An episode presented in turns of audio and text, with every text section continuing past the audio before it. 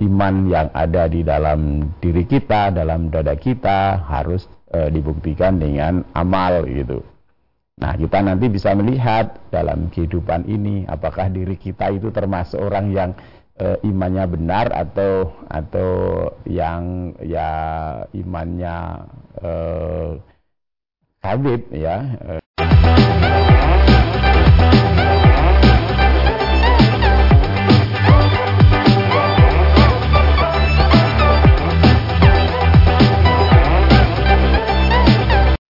Bismillahirrahmanirrahim. Assalamualaikum warahmatullahi wabarakatuh. Seluruh pemirsa channel terpilih MTA TV Di mana pun anda berada Puji syukur Alhamdulillah Senantiasa kita panjatkan kehadirat ilahi Rabbi Allah subhanahu wa ta'ala Atas kenap karunia nikmat dan juga rahmatnya untuk kita semua Di perjumpaan awal aktivitas pagi hari ini. Kita jumpa kembali di program unggulan Fajar Hidayah. Dan Alhamdulillah sudah hadir Ustadz Dr. Insinyur Didi Joko Susilo STMT IPM yang nanti akan melanjutkan pelajaran sekaligus memberikan pencerahan untuk kita semua di kesempatan kali ini. Assalamualaikum warahmatullahi wabarakatuh. Ustaz. Waalaikumsalam warahmatullahi wabarakatuh. Kabar baik dan sehat pagi ini. Alhamdulillah sehat. Alhamdulillah. Mas sehat Alhamdulillah, juga ya? baik. Alhamdulillah.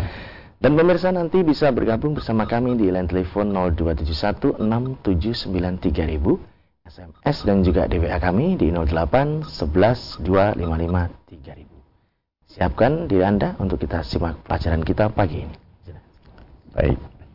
Bismillahirrahmanirrahim. Innal hamdalillah nahmaduhu wa nasta'inuhu wa nastaghfiruh wa na'udzu billahi min sururi anfusina wa min sayyiati a'malina. May yahdihillahu fala mudhillalah wa may yudlil fala hadiyalah. Asyhadu an la ilaha illallah wahdahu la syarikalah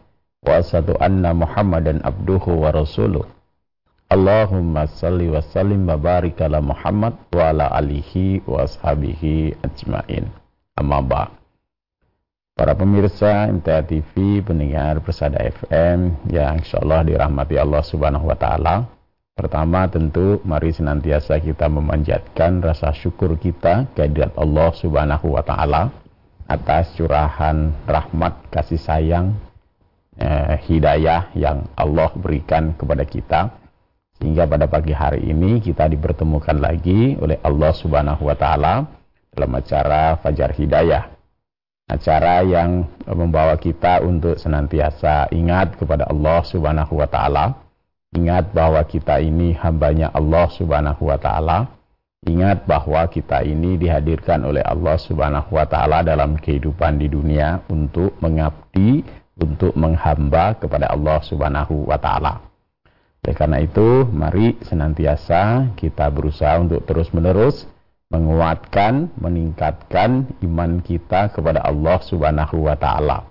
Menjaga agar jangan sampai uh, iman, keyakinan kita kepada Allah, keyakinan kita kepada hari akhir uh, berkurang, luntur uh, sehingga ketika kita kembali kepada Allah Subhanahu wa taala nanti uh, tentu menjadi orang yang merugi. Ketika kita kembali kepada Allah dalam keadaan tidak beriman, dalam keadaan tidak bertakwa, tentu kan kecelakaan yang akan kita peroleh gitu. Nah, sebaliknya kita meyakini bahwa dengan keimanan, ketakwaan maka insya Allah ketika kita kembali kepada Allah kita menjadi orang yang beruntung, kita menjadi orang yang berbahagia begitu. Nah, tentu uh, sebagai apa ujian uh, keimanan sebagai apa uh, saringan ya dari Allah Subhanahu wa taala uh, untuk uh, melihat mana hambanya yang imannya benar, mana hambanya yang uh, imannya hanya ngaku-ngaku saja. Tentu dalam kehidupan di dunia ini nanti Allah berikan berbagai keadaan ya. Apakah itu keadaan yang menyenangkan, keadaan yang uh, menyusahkan eh, dan seterusnya sebagai bagian dari uh, ujian Allah untuk melihat hambanya yang uh, mana yang benar-benar uh, beriman kepada Allah Subhanahu wa taala. Nah, tentu ini uh, Allah masih uh, beri kehidupan kepada kita. Uh, hakikatnya kita tetap harus berikhtiar, harus berjuang bersungguh-sungguh agar keimanan itu tetap kokoh pada diri kita gitu. Nah, tentu eh, iman yang ada di dalam diri kita, dalam dada kita harus eh, dibuktikan dengan amal gitu. Nah, kita nanti bisa melihat dalam kehidupan ini apakah diri kita itu termasuk orang yang e, imannya benar atau atau yang ya imannya e, kabit ya e, dusta kita bisa melihat kita bisa menguji ya. E, bagaimana pilihan-pilihan amal yang kita ambil ya. E, apakah amal-amal yang kita ambil itu betul-betul uh, amal atau aktivitas yang diperintahkan oleh Allah Subhanahu wa taala yang dicontohkan oleh Rasulullah sallallahu alaihi wasallam ya. Karena nanti dalam kehidupan di dunia ini banyak pilihan-pilihan amal banyak uh, apa namanya aktivitas-aktivitas uh, yang kita bisa uh, pilih begitu apakah kita mendasarkan amal kita berdasarkan petunjuk Allah ya? Kita mengikuti ini yang diperintahkan oleh Allah Subhanahu wa taala kita kerjakan gitu kan? Yang dilarang yang dicegah oleh Allah Subhanahu wa taala kita berusaha ter, apa namanya sekuat tenaga kita tinggalkan ya? E, karena apa? Karena kadang-kadang kita ini dalam kehidupan bisa e, lihat itu. Kadang-kadang kita tuh e, sudah tahu bahwa amal yang kita lakukan itu e, bukan yang diperintahkan oleh Allah Subhanahu wa taala, tetapi kita e, berusaha untuk apa? Istilahnya mencari pembenaran gitu ya. Bahkan dalam amal maksiat yang sudah tegas dilarang oleh Allah ya, e, misalkan perzinaan, minum homer gitu kan ya uh, homosek dan seterusnya yang sudah jelas dilarang oleh Allah Subhanahu wa taala. Kadang-kadang manusia mencari pembenaran untuk amal tersebut itu ya. Mencari alasan supaya amalnya itu uh, ya sedikit banyak dibetulkan dan seterusnya begitu. Maka tentu ini bukan sikap orang yang beriman kepada Allah yang yakin bahwa Allah Subhanahu wa taala itu tidak turunkan melainkan satu hal satu aturan yang akan membawa keselamatan bagi hambanya. Kalau itu diperintahkan oleh Allah Subhanahu wa taala, pasti itu membawa kebaikan bagi hambanya. Kalau itu satu perbuatan dilarang oleh Allah Subhanahu wa taala, pasti itu membawa madarat bagi hambanya. Maka orang yang beriman meyakini itu dan terus-menerus ya berusaha untuk menguatkan itu tidak apa ya berpaling dari perintah-perintah Allah, dari larangan-larangan Allah itu. Tidak kemudian apa merasa sombong ya, merasa akal pikirannya, e, idenya, gagasannya jauh lebih baik daripada aturan-aturan Allah gitu. Kayak orang-orang yang beriman dan benar imannya itu betul-betul tunduk, patuh gitu kan, tidak menyombongkan diri dari aturan-aturan Allah, meyakini bahwa aturan Allah Subhanahu wa taala itu pasti yang terbaik.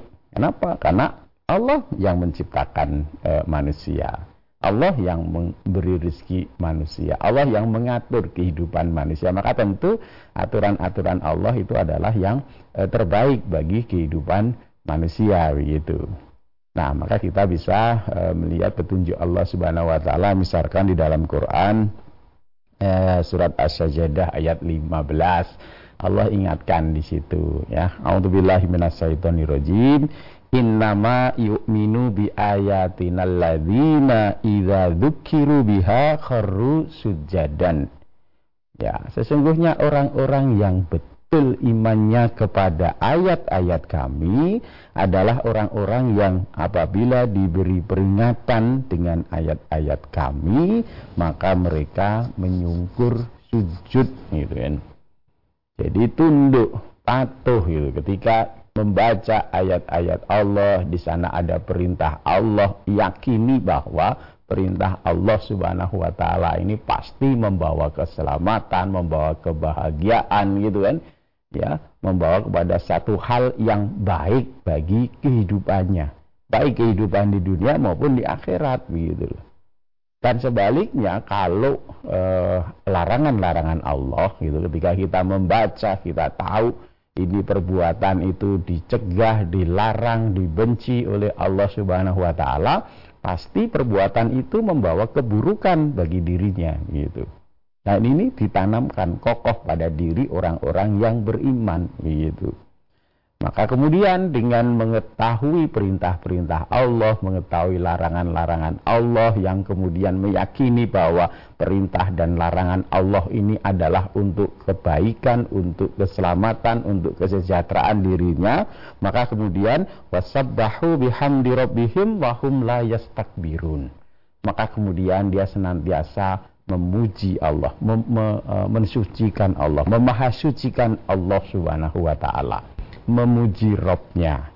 Ya, maknanya ini tentu pengakuan bahwa apa yang diatur oleh Allah Subhanahu Wa Taala itu adalah kebaikan untuk hambanya, untuk manusia begitu.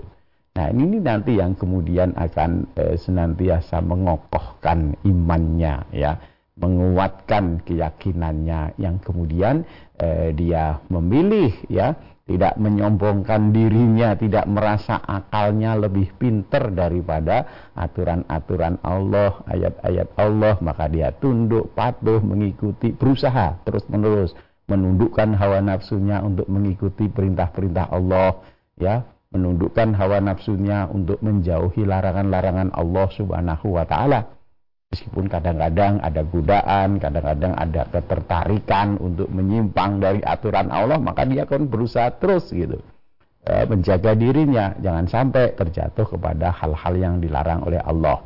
Dia biasakan dirinya pada aktivitas jalan-jalan yang diperintahkan oleh Allah Subhanahu wa taala gitu.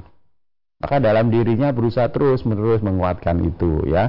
Kata Java junubuhum anil madaji'i yad'una rabbahum khaufan wa tama'an.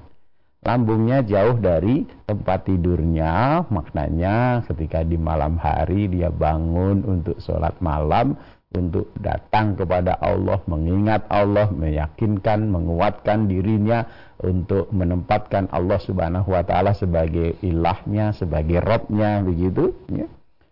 Yad'una rabbahum ya menyeru memohon berdoa kepada Allah Subhanahu wa taala khaufan wa tama'an dengan penuh rasa takut, penuh rasa harap itu ya kombinasi rasa khaufnya ya khaufnya akan kekuasaan Robnya menyadari dirinya itu hamba dirinya itu makhluk yang lemah itu Allah zat yang maha perkasa yang kemudian mengharap ya pertolongan dari Allah mengharap kasih sayangnya Allah mengharap cintanya Allah subhanahu wa ta'ala gitu.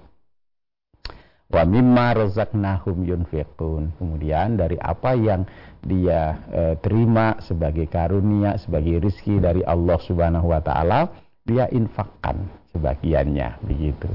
Nah ini aktivitas-aktivitas orang yang e, benar imannya kepada Allah Subhanahu wa taala yang berusaha menundukkan dirinya kepada petunjuk-petunjuk Allah Subhanahu wa taala. Tidak sombong terhadap aturan-aturan Allah Subhanahu wa taala, tidak merasa karena dia pinter, karena dia kaya, karena dia punya kedudukan kemudian mengabaikan ayat-ayat Allah, mengabaikan perintah-perintah Allah gitu. Yang ada setiap ada eh, ayat-ayat uh, Allah yang dibaca, yang diingatkan kepadanya, maka dia tunduk patuh begitu maka dia hatinya diserahkan kepada aturan-aturan Allah Subhanahu wa taala. Hawa nafsunya ditahan hawa nafsunya ditekan karena takut akan keagungan Robnya itu khaufan wa toma'an. Rasa khaufnya terhadap kekuasaan Allah Subhanahu wa taala. Dia yakin Allah Subhanahu wa taala Maha perkasa Maha kuasa begitu. Maka kemudian dia uh, tunduk. Nah Orang-orang yang begini tentu orang-orang yang nanti akan memperoleh kasih sayangnya Allah, memperoleh cintanya Allah ya, memperoleh rahmatnya Allah. Tidak dengan orang yang menyombongkan dirinya ya, yang merasa dirinya serba cukup, yang merasa tidak butuh Allah Subhanahu wa taala, bahkan kemudian mempersekutukan Allah gitu dengan yang lainnya gitu. Nah, maka eh, tentu akan ada eh, bedanya ya. Kita bisa baca di Quran surat eh, Az-Zumar ayat eh, ke-9 gitu Allah ingatkan kepada kita Allah beri pelajaran kepada kita. Aman huwa qanitun ana ana al-laili sajida wa qa'iman. Yad yahdarul akhirata wa yarju rahmata rabbih gitu kan. Apakah eh, kamu orang musyrik yang lebih beruntung. Orang-orang yang menyombongkan diri. Karena kaitannya ayat sebelumnya. Orang-orang yang e, mempersekutukan Allah, orang-orang yang sombong terhadap aturan-aturan Allah, petunjuk-petunjuk Allah. Kemudian Allah bandingkan, apakah orang-orang seperti itu yang beruntung? Ataukah aman huwa qanitun? Apakah orang-orang yang tunduk beribadah anak al-laili sajidan wa iman dan pada malam-malam hari mereka sujud, mereka berdiri untuk memohon kepada Allah, berharap kepada Allah ya. Uh, sedang uh, dia darul akhirata wa yarju rahmata rabbih. Dia mengharapkan ya takut kepada akhirat, dia punya keyakinan akan kehidupan di akhirat agar punya keyakinan bahwa keselamatan, kebahagiaan di negeri akhirat hanya akan diperoleh oleh orang-orang yang tunduk patuh kepada Allah Subhanahu wa taala dan dia berharap rahmat dari Tuhannya, Robnya begitu. Itu apakah sama begitu? Apakah nanti akan memperoleh hasil yang sama begitu? Jadi ketika di dunia ini ada orang yang e, tidak peduli kepada aturan-aturan Allah ya. Tidak peduli pada yang halal yang haram. Tidak peduli dosa tidak peduli pahala. Yang penting saya e, berbuat beramal sesuai dengan kesukaan saya hawa nafsu saya. Nah orang yang seperti ini dalam kehidupan di dunia nanti apakah akan memperoleh hasil yang sama dengan orang yang dalam kehidupan dunia ini mau menundukkan hawa nafsunya untuk tunduk patuh mengikuti petunjuk-petunjuk Allah yang mau pada malam-malam hari bangun untuk berdiri, sholat, untuk sujud kepada Allah Subhanahu wa Ta'ala, untuk memohon ampun kepada Allah, untuk berdoa kepada Allah Subhanahu wa Ta'ala. Yang kemudian pada siang hari dia jaga amalnya, jangan sampai ini jatuh ke dalam dosa. Jangan sampai saya melakukan perbuatan maksiat yang dilarang oleh Allah Subhanahu wa Ta'ala. Apakah nanti akan memperoleh hasil yang sama di akhirat nanti?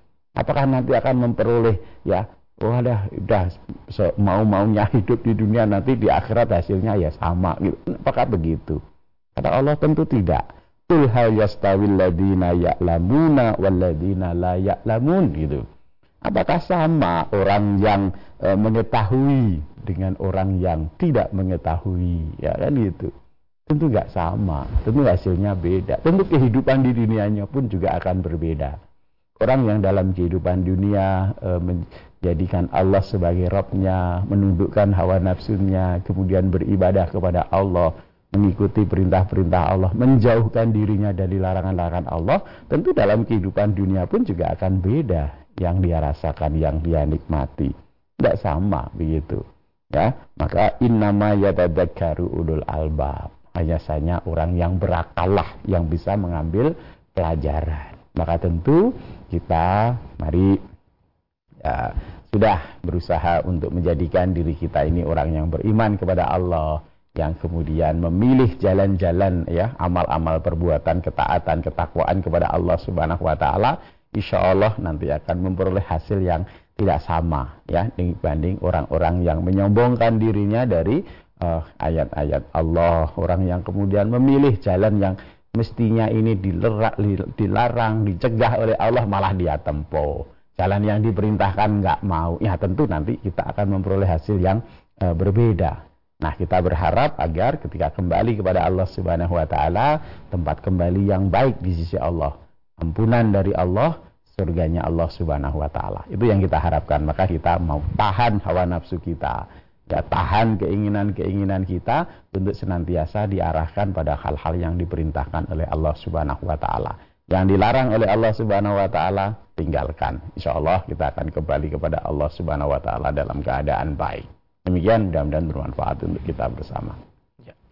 Baik pemirsa kami harapkan Anda bisa bergabung bersama kami di line telepon 02716793000 SMS dan juga di WA kami di 08112553000.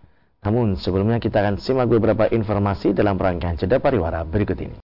Baik saudaraku pemirsa channel terpilih Hamda TV di mana pun Anda berada, terima kasih Anda masih setia bersama kami, khususnya di program unggulan Fajar Hidayah pagi ini.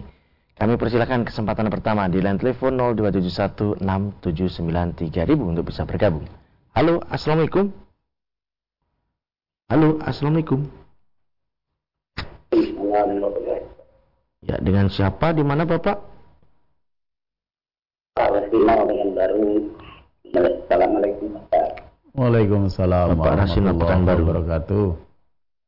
Nah, nah, ini kalau di MTA ini kalau namanya pengajian nama pengajiannya pengajian macam mana? Itu. Tidak ada. Bisa diulang Bapak? Agak pelan-pelan. Nama pengajiannya di MTA begitu?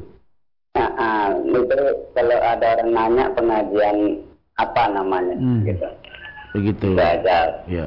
Assalamualaikum warahmatullahi wabarakatuh. Waalaikumsalam warahmatullahi wabarakatuh. Jeh. Ya mungkin ya kalau nama kita kan apa namanya eh, majelis kita ya majelis tafsir Al-Qur'an begitu kan ya.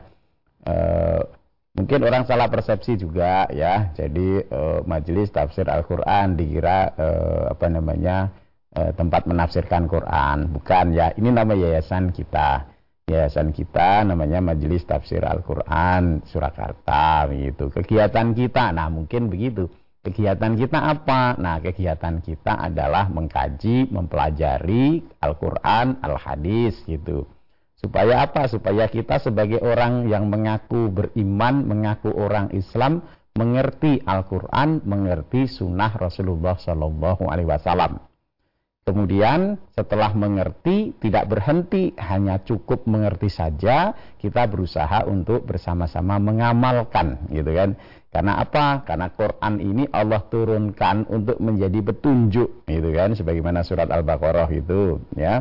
Alif lam mim dzalikal kitabu la raiba fihi hudal lil muttaqin.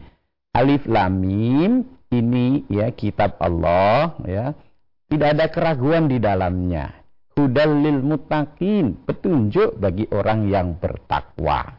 Kita ini dalam kehidupan pingin ya menjadi orang yang berta- bertakwa, pingin ketika kembali kepada Allah Subhanahu wa taala digolongkan sebagai orang yang bertakwa. Nah, orang yang bertakwa itu petunjuknya Quran menurut Allah Subhanahu wa taala ini surat Al-Baqarah ayat eh, 2 ini gitu. Nah, kalau kita ingin menjadikan Quran ini sebagai petunjuk, tentu kita harus mengerti. Nah, cara mengertinya bagaimana? Belajar. Nah, makanya di majelis kita, kita belajar Quran. Membaca Quran, tilawah ya pertama. Kemudian habis itu eh, apa namanya kiroah ya kiroah yang pertama. Kemudian habis itu dari sekedar membaca ya kita kita berusaha untuk memahami artinya dengan eh, tilawah ya berusaha mengerti. Karena apa? Karena Quran dalam bahasa Arab, kita bukan orang Arab, maka kemudian kita mau belajar, mau ngaji. Maka di majelis-majelis dipelajari Quran. Maka di majelis tafsir Al-Quran ini materi pokok adalah eh, tafsir Quran.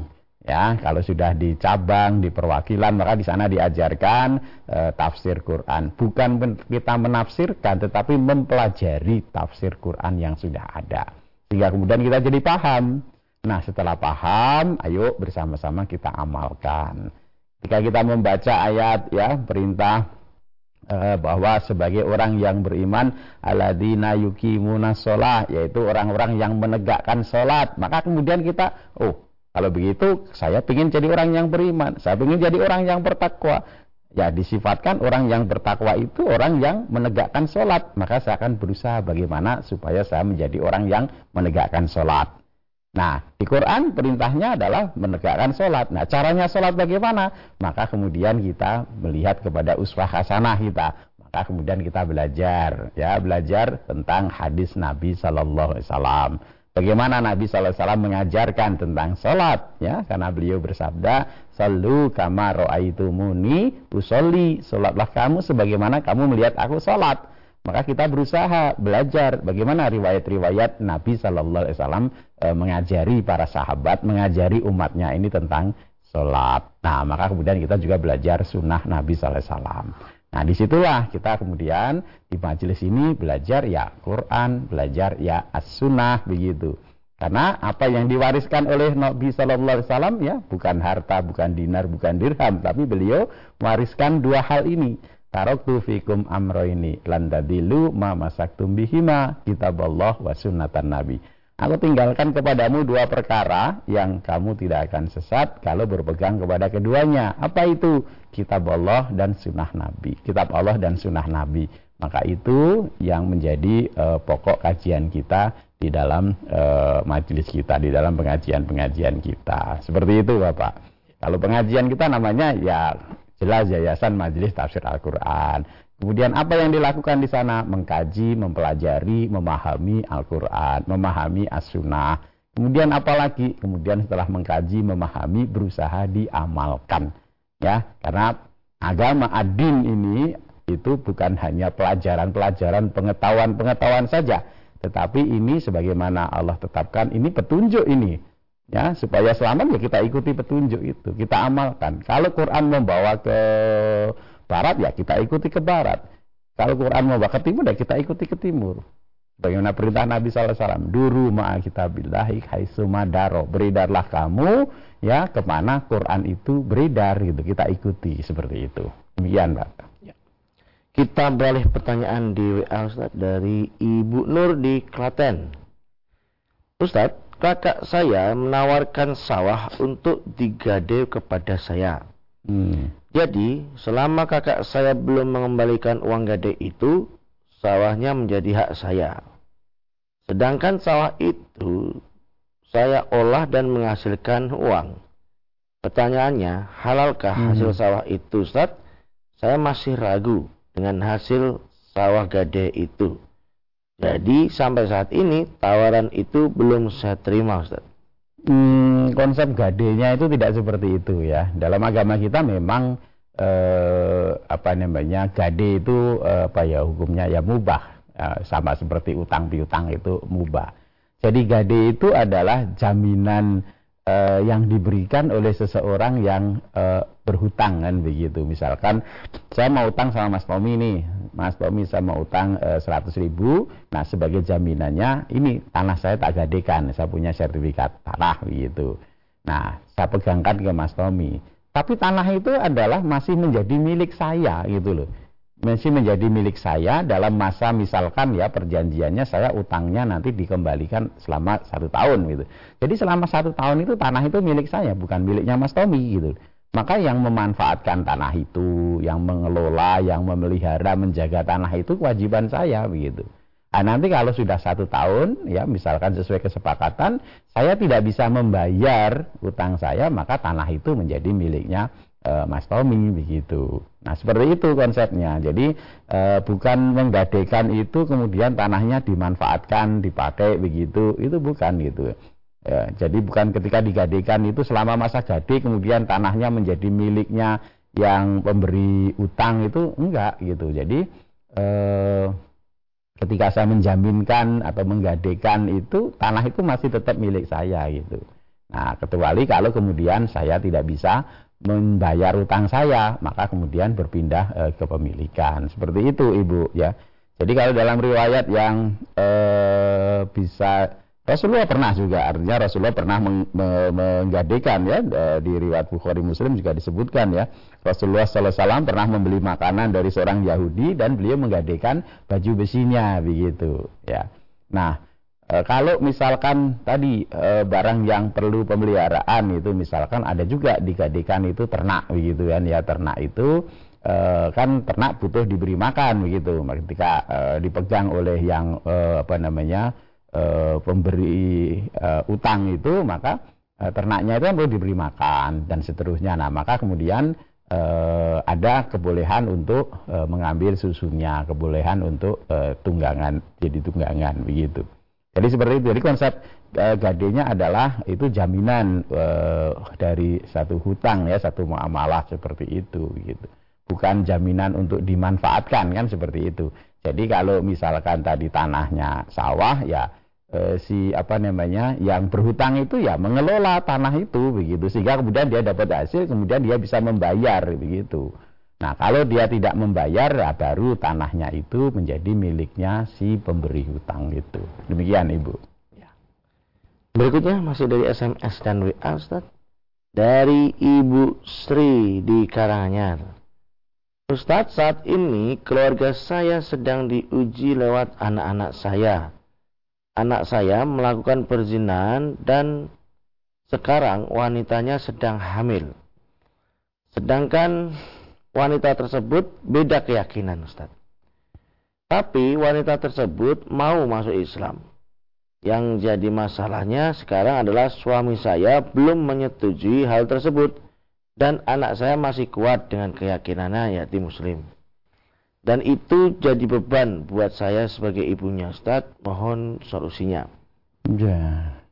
Jadi masalahnya pertama itu adalah tanggung jawab kita sebagai orang tua untuk menjaga diri kita, keluarga kita, ya istri, anak-anak kita dari api neraka itu yang perlu difikirkan begitu ya. Jadi apalagi zaman sekarang eh, gimana kadang-kadang kita lupa tanggung jawab itu. Padahal Allah sudah tegaskan, Allah perintahkan kepada kita. Ya ayyuhalladzina amanu ku anfusakum wa ahlikum naro. Hei orang-orang yang beriman, jaga dirimu, jaga keluargamu dari api neraka gitu loh. Maka yang pertama kedua orang tua tentu harus beristighfar mohon ampun kepada Allah Subhanahu wa taala. Apa ini yang lalai, apa ini yang lupa kita ajarkan, kita didikkan kepada keluarga kita sehingga kemudian anak kita jatuh kepada tadi larangan Allah Subhanahu wa taala perzinahan sampai kemudian hamil begitu, pergaulan bebas begitu. Ya, ini yang fenomena sekarang nih e, masyarakat e, kita yang mungkin katanya modern tetapi ternyata hakikatnya malah kembali seperti pada zaman jahiliyah itu. Banyak anak-anak kita yang terjatuh kepada e, pergaulan bebas, perzinahan, bahkan pergaulan e, yang sekarang lagi rame itu sesama jenis itu lebih jelek lagi, lebih kotor lagi seperti itu gitu uh, orang mau membenarkan bagaimana, tetapi ketika itu larangan Allah, kita yakini bahwa larangan Allah itu pasti jelek. Zina itu perbuatan keji, ya, perbuatan keji yang nah, tadi dampaknya tidak hanya kepada si pelaku, tapi ternyata kepada tadi keluarganya, saudaranya, masyarakatnya seperti itu, gitu. Itu pertama tentu perbanyak istighfar, mohon ampun kepada Allah, ibu dan e, suami begitu. Nah, kemudian e, beri peringatan kepada anaknya itu. Nah, kamu sudah melanggar aturan Allah itu. Itu perbuatan keji, dosa besar itu. Zina itu perbuatan yang eh, apa namanya istilahnya diwanti-wanti oleh Allah Subhanahu wa taala. Jangan lakukan begitu. La zina. Jangan dekati zina begitu. Nah, lihat putranya, putranya nanti e, mau diingatkan, mau bertobat apa tidak itu. Taubatan nasuha, betul-betul tobat untuk tidak mengulangi perbuatannya itu gitu.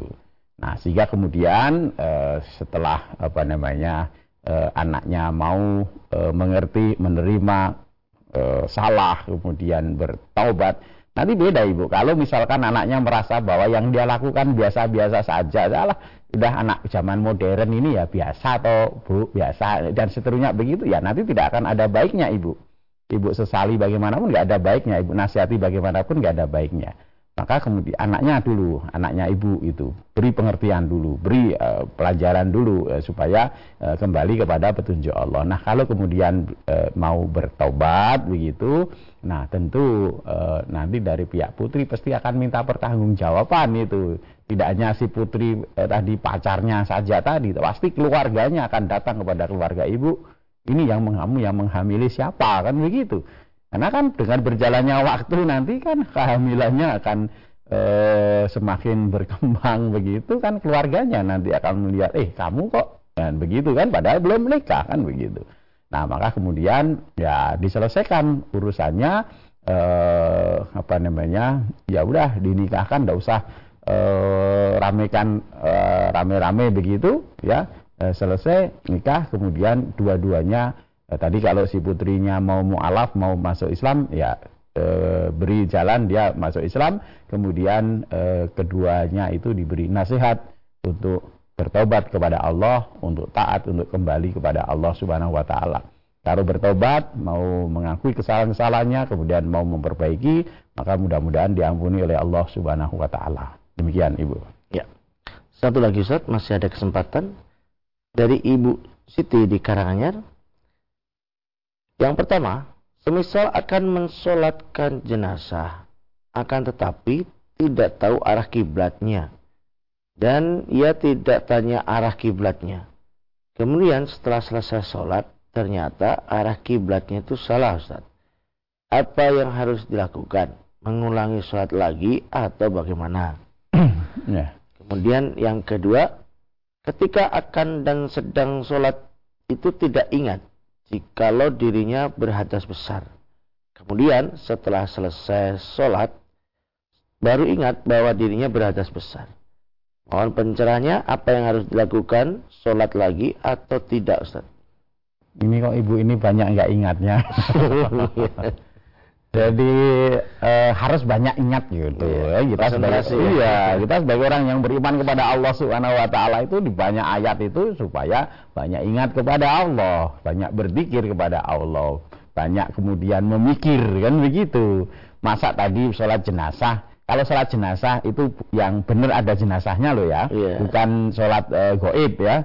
misalkan kalau yang sholat jenazah ada jenazahnya kan jenazah itu dikelola oleh banyak orang yang kemudian ditata sebelum disolatkan di apa namanya bujurkan nanti kemudian untuk eh, menghadap ke arah kiblat. Kok arah arah kiblatnya nggak tahu gimana gitu Sekian banyak orang yang menata laksana pengerupian jenazah, mulai dari memandikan, mengkafani, kemudian menempatkan jenazah itu, masa nggak ada yang ngerti. Itu apa namanya mengada-ada saja itu menurut saya. Jadi ketika kita akan menyolatkan jenazah, itu kan jenazahnya sudah dimandikan, dikafani, kemudian e, ditempatkan ya, e, dibujurkan lah ya. Kalau di negara kita ya dibujurkan ke utara selatan, sehingga kemudian yang menyolatkan kan menghadap jenazahnya. Nah, ketika menghadap jenazahnya kan sudah menghadap kiblat, masa nggak tahu kemudian apa menjajari jenazahnya menghadap ke utara atau ke selatan gitu. Jadi kan menghadapnya ke itu kepada jenazahnya itu dan jenazahnya setelah dimandikan dikafani kan oleh para apa namanya eh, yang eh, mengrupi jenazah itu kan dibujurkan ke utara selatan sehingga bagi yang akan menyolatkan kan tinggal menghadapkan itu menempatkan dirinya eh, kalau jenazahnya eh, laki-laki dia ada di bahunya kemudian kalau jenazahnya perempuan ada di pinggangnya gitu kan Gak mungkin kemudian sholatnya ini jenazahnya kemudian menjajari gini kan enggak. Dia menghadapkan seperti itu gitu loh. Maka kok tadi pertanyaannya nggak tahu arah kiblatnya loh gimana kan? Kita sholatnya di hadapan kita jenazahnya yang kita uh, sholati. Dan kemudian sholatnya biasanya juga berjamaah. Di sana ada imamnya. Makmumnya kan ibu misalkan jadi makmum kan tinggal ngikuti itu imam sama makmum-makmum yang lain yang ada di situ jangan kemudian ngadep sendiri sah ngadepnya e, ke arah yang berbeda. Kan tidak. Mestinya tidak terjadi yang ditanyakan itu. Gitu itu ibu. Nah kemudian yang kedua ketika e, junub ya misalkan e, malamnya berkumpul suami istri begitu. Nah kemudian bangun e, tidak tidak langsung mandi ya. Tidak langsung mandi e, tidur begitu Nah, kemudian eh, pagi eh, bangun sudah adzan subuh gitu. Nah, habis itu terus langsung wudhu sholat subuh padahal belum mandi janabat. Bagaimana? Nah, kalau seperti itu ya diulangi sholatnya, sholatnya tidak sah. Jadi setelah eh, ingat bahwa oh tadi malam e, berkumpul suami istri belum mandi begitu masih berkadas besar e, Nah, maka kemudian mandi dulu ya. Mandi dulu kemudian tadi sholatnya diulangi. Subuh sholat subuh lagi. Sholat yang tadi belum sah karena dalam keadaan berhadas besar. Demikian ibu. Ya. baik Ustaz sekiranya sudah di penghujung percobaan kali ini ada yang bisa disampaikan sebagai nasihat silakan ya baik uh, muslimin muslimat rahimakumullah. Pemirsa MTA TV pendengar Persada FM uh, mari ya terus menerus kita berusaha untuk menguatkan keyakinan kita, iman kita kepada Allah Subhanahu wa taala dengan ya senantiasa beramal ya berzikir, mengingat Allah Subhanahu wa taala, menegakkan sholat dalam kehidupan kita. Nah, itu nanti yang akan uh, terus mengingatkan kita uh, kepada Allah, mengingatkan kita kepada hari akhir. Kita yakinkan kita bahwa kita itu pasti ada saatnya kembali kepada Allah Subhanahu wa taala. Ya, siapa pun kita dan mau kalau mau mengambil pelajaran, kita itu adalah dalam proses untuk kembali kepada Allah Subhanahu wa taala. Nah, ketika kembali kepada Allah Subhanahu wa taala, Tidak ada yang bermanfaat dari uh, harta kita, keluarga kita, dan seterusnya begitu. Kecuali ketika apa yang Allah anugerahkan pada diri kita itu, harta, keluarga, bisa menjadi amal soleh gitu. Sebagaimana perintah Allah Subhanahu wa taala wabtaghi fi ma atakallahu darul akhirah. Carilah pada apa yang Allah anugerahkan kepadamu kebahagiaan negeri akhirat gitu. Maka apa yang Allah anugerahkan kepada kita apakah kesehatan apakah keluarga apakah harta mari kita gunakan untuk beramal yang menguatkan iman kita sehingga ketika kita kembali kepada Allah Subhanahu wa taala kita tidak menjadi orang yang merugi. Demikian mudah-mudahan bermanfaat untuk kita bersama. Ya. Kami sampaikan terima kasih Ustaz. Assalamualaikum warahmatullahi wabarakatuh. Waalaikumsalam warahmatullahi wabarakatuh. Baik saudara pemirsa channel terpilih MTA TV di mana pun Anda berada. Demikian tadi telah kita simak dan bersama program unggulan Fajar Hidayah pagi ini. Kita jumpa kembali di kesempatan mendatang dan saya Tommy Al-Fatani pamit undur. Alhamdulillahirrahmanirrahim. Subhanakallahumma wa bihamdika. Asyadu ala ilaha illa anta astaghfirullah wa atubu Assalamualaikum warahmatullahi wabarakatuh.